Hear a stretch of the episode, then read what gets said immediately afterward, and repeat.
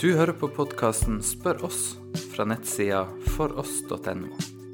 Besøk gjerne nettsida vår. Vi oppdaterer ukentlig med artikler og andre ressurser som omhandler kristen tro. Du kan finne oss på foross.no. Hei og velkommen til dagens episode av Spør oss. Mitt navn er Knut Kåre Kirkholm, og jeg jobber til daglig på Fjellhaug internasjonale høgskole i Oslo, en skole som tilbyr utdanning i teologi og misjon på både bachelor- og masternivå. Jeg har fått inn et spørsmål som jeg skal prøve å svare på. Det er en person som har lest Rosenius, og der har han funnet at Rosenius har henvist til en bok som heter Siraks bok. Og Den boka hører til blant det vi kaller for de apokryfe skrifter, og Derfor så lurer denne personen på hva dette er for noe. Og Da vil jeg først og fremst si et hjertelig takk for et glimrende spørsmål. Det tar tak i problemstillinger som vi gjør lurt i å tenke gjennom. En regner med at rundt 2,8 milliarder mennesker i verden hører til et kristent kirkesamfunn. Og over 60% av disse hører til et kirkesamfunn som regner de apokryfe bøkene som hellige skrifter og som en del av Bibelen. Og Dette gjelder først og fremst katolikker og ortodokse. Derfor er det absolutt på sin plass at vi reflekterer litt rundt apokryfene. Og Vi kan, kan kanskje begynne med å si litt om denne her Siraks bok, og hva den handler om. Det er en poetisk bok som i stor grad ligner Salomos ordspråk, og er en samling av visdom og ordspråk. Hovedtemaet er derfor visdom, og det er en klar understreking av at sann visdom henger sammen med et rett forhold til Herren, Israels Gud. Og på samme måten som Salomos ordspråk, så er visdommen praktisk og handler om god og rett livsførsel. Dette er en bok som er skrevet rundt 200 før Kristus, og forfatteren skriver et forord og presenterer seg som Jesus, sønn av Eliasar, sønn av Sirak. Sannsynligvis er det snakk om en skriftlærd og en lærer. Denne boka har òg mange forbindelser til andre bøker i GT, så er det tydelig at forfatteren har kjent Det gamle testamentet godt. Sirak er en flott bok som det er verdt å lese. Og Luther han skrev i sitt forord til denne boka fra 1533 at dette er en nyttig bok for den vanlige mann. Og Grunnen er at dette er en bok som gir god hjelp til praktisk gudsfrykt i hverdagen. Så for Luther så var dette en bok som var god og nyttig, men han så altså ikke denne boka som likestilt i autoritet med de andre bøkene i Bibelen. Men la oss nå vende oss til hovedsaken i spørsmålet, nemlig hvorfor apokryfene ikke ble regnet som en del av vår kanon. Og For å svare på det så må vi først få på plass et viktig begrep, nemlig ordet kanon. Det er et gresk ord som betyr målestokk. Og Når vi snakker om Bibelens kanon, så mener vi de bøkene som Kirka regner som bøkene som hører hjemme i Bibelen. I den kanoen som vi finner i den lutherske kirka, så har vi 66 bøker 39 i Gamle testamentet og 27 i Det nye testamentet. Og Allerede ganske tidlig i kirka sin historie så finner vi eksempler på kanonlister. Lister over bøker som en regnet som ekte og sanne skrifter fra apostlene. Men likevel så tok det litt tid før en var helt på plass og hadde helt fastsatt kanon. Men for 300-tallet så er bildet veldig entydig. Og før den tid så var det noen bøker som en var litt uenig om. Det gjelder for NT, Det nye testamentet. Når vi kommer til Det gamle testamentet, så er bildet en del mer sammensatt. Og det er her vi skal ta inn dette begrepet de apokryfe bøkene. Nå skal det sies at det finnes òg noen bøker som en i noen sammenhenger kaller for nytestamentlige apokryfer. Det er egentlig litt dumt at ordet apokryf blir brukt om de bøkene, for det er bøker som Kirka helt og fullt avviste og klassifiserte som bøker som lærer galt om Jesus. Så Derfor så har ordet apokryf en helt annen klang når vi snakker om GTs apokryfer. GTs apokryfer er en samlebetegnelse på en del jødiske skrifter fra tida rett før Kristus. Og Dette er skrifter som først og fremst virker til å være skrevne på gresk, selv om noen kanskje opprinnelig var skrevne på hebraisk. Og Da kristendommen vokste fram, så brukte en de jødiske hellige skriftene i sin forkynnelse. Det finner mange plasser i Nytestamentet hvor apostlene siterer fra Det gamle testamentet og prøver å vise hvordan Det gamle testamentet vitner om Jesus. Og disse virker jo i en i Romerriket hvor en snakket gresk. Og derfor så siterte de fra den greske oversettelsen av Det gamle testamentet i sin forkynnelse. I all hovedsak. Eh, og den greske oversettelsen av Det gamle testamentet ble kalt, ble kalt for Septuaginta.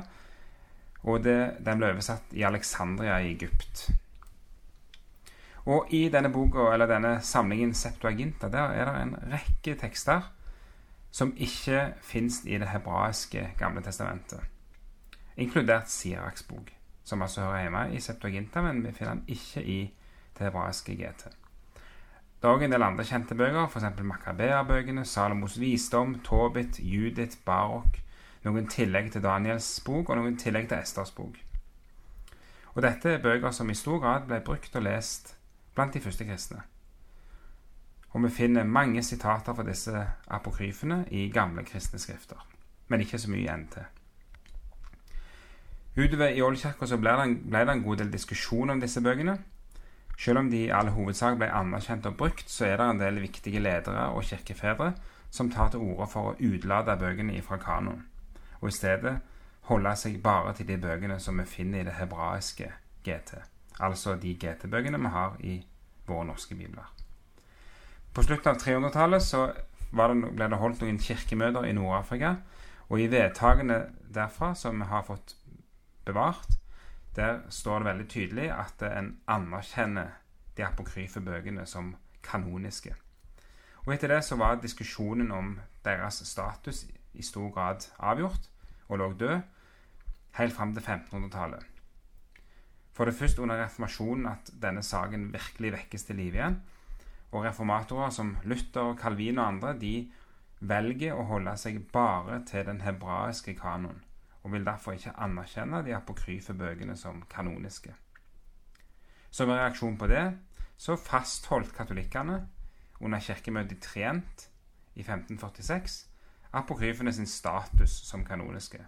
Og siden da så har en gått hver sin vei, der vi i de lutherske og de reformerte kirkene har utelatt apokryfene fra vårt GT, mens katolikkene alltid har hatt apokryfene med i sitt GT. Disse bøkene er også oversatt til norsk og er tilgjengelige på bl.a. bibel.no. Men er også trykt i en serie som heter Verdens hellige skrifter. Selv om vi finner enkel, enkeltpersoner i den eldste kirka som var kritiske til apokryfene, så hadde de altså sin plass i GT, i Bibelen, i over 1500 år. Og Luther han var nok den av reformatorene som jobbet mest med spørsmål om hva bøker som skulle høre hjemme i Bibelen. Og han var ikke redd for å stille kritiske spørsmål til bøker i Bibelen. Og han likte verken Jakobs brev eller Esters bok. Men han lot når disse ble værende i kanoen. Apokryfene derimot, de ble kutta ut. Og hovedgrunnen var så enkelt som at de bøkene ikke fins i den hebraiske bibelen. Og i og med at Jesus snakket hebraisk og bodde i Israel, så var det òg den hebraiske bibelen som var hans bibel. Og Vi finner et veldig godt eksempel på det i Lukas 24, hvor vi leser at Jesus la ut for Emmausvandrerne alt som sto skrevet om han, hos Moses, profetene og salmene.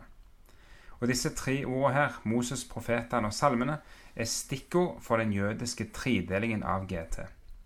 Moses er naturlig nok de fem Mosebøkene. Profetene det er bøkene fra Josva til andre kongebok pluss Jesaja, Jeremia, Esekiel og de tolv små, mens salmene, eller skriftene, er resten av GT. Så det er nokså tydelig at eh, når Jesus legger ut fra GT, så er det det hebraiske GT han forholder seg til. Så kan vi også gjerne bare merke oss i forbifarten at i Nytestamentet finner vi så å si ingen sitater fra apokryfene, men haugevis av sitater fra andre bøker i GT. Samtidig så kan vi ikke bruke det som et argument for å utelate bøker fra kanoen, for da er det en god del andre GT-bøker som også måtte forsvunne. Så det er ikke sterkt noe argument. Vi kan òg finne noen teologiske grunner til at Luther og reformatorene ikke ville ha med apokryfene. I den apokryfe boka Salomos visdom, kapittel 3, der er det noen vers som en kan bruke til å forsvare den katolske læra om skjærsilden. Og i 2. Makaberbok 12 der finner vi noen vers som kan brukes til å forsvare den katolske praksisen med sjelemesser. dvs. Si messer for død, og som skal hjelpe de døde gjennom skjærsilden. Og dette var jo ting som Luther kjempet mot, og dermed er det veldig forståelig at han var kritisk til de bøkene som kunne brukes til å forsvare læresetninger han kjempet imot. Så altså Felles for de protestantiske kirkene er at en ikke anerkjente apokryfene som kanoniske, og en ville ikke bruke apokryfene til å utforme læresetninger. Men alle snakket fint om bøkene, og de kunne gjerne oppmuntre folk til å lese dem. Og det er nok grunnen til at f.eks. Rosenius kan skrive andakter ut fra vers i Sirak. Og da den første gangen oversatte Bibelen til norsk, uten at det var dansk, på slutten av 1800-tallet, da tok en òg med apokryfene. Men da samla en apokryfene sammen, og så trykte en de som en egen bolkavdeling imellom GT og NT. Hvis du hadde gått til en katolsk bibel, så ville du der sett at apokryfene i mye større grad er spredt utover i hele GT, på de plassene hvor bøkene naturlig hører hjemme. Men i, i Norge så ble altså de samla og satt som en egen avdeling, og det var nokså normalt i protestantiske bibler å ha vært. Likevel så ble denne her bibelen fra tidlig 1900-tall et unntak. Vanligvis så har norske bibler vært trykt uten apokryfene. Kun i 1994 da ble de på nytt utgitt og trykt i en norsk bibel. Men ellers har de ikke vært trykt i norske bibler. Vi kan òg ta med at eh, den kjente biskop Pontoppidan og hans enda mer kjente lærebok til Luthers katekisme, 'Fra sannhet til gudfryktighet', i den så finner vi over 1500 sitater fra apokryfene, og særlig Siraks bok. Så apokryfene har absolutt hatt en plass i norsk og dansk kristenliv. Så kan vi spørre til slutt hvordan skal vi forholde oss til Siraks bok og til apokryfene? Og jeg tror kanskje jeg har sagt mellom linjene allerede det. For jeg tror og mener at dette er bøker som vi gjerne skal lese. Jeg har selv lest de mange ganger hvert fall flere av bøkene mange ganger. Noen av de er kjempespennende og stilige og til dels underholdende. Og noen er veldig oppbyggelige og, og har utrolig mye flott å, å si oss. Og for eksempel så er Sirak et eksempel på det. Så på samme måten som vi kan lære og få veiledning av å lese Luther, Rosenius og andre forfattere, så kan vi òg lære og få veiledning av å lese apokryfene. I tillegg så gir disse bøkene oss òg et veldig spennende glimt inn i historien til israelsfolket fra tida mellom GT og NT. Og spesielt er Makabeer-bøkene veldig interessante i så måte, og handler om en dramatisk periode på 150-tallet før Kristus eh, i Israels historie. Alt i alt så tror jeg vi skal følge det rådet som reformatorene i England ga i et av dokumentene som der ble skrevet hvor de skrev at Kirka leser apokryfene som eksempel på hvordan en skal leve, og som opplæring i gode manerer. Men en bruker de ikke til å underbygge noen læresetning. Så min oppfordring er les apokryfene, men de skal altså ikke brukes til å underbygge og utforme lære. Du har nå hørt podkasten Spør oss Still flere spørsmål, se andre ressurser, og vær gjerne med og støtte oss på foross.no.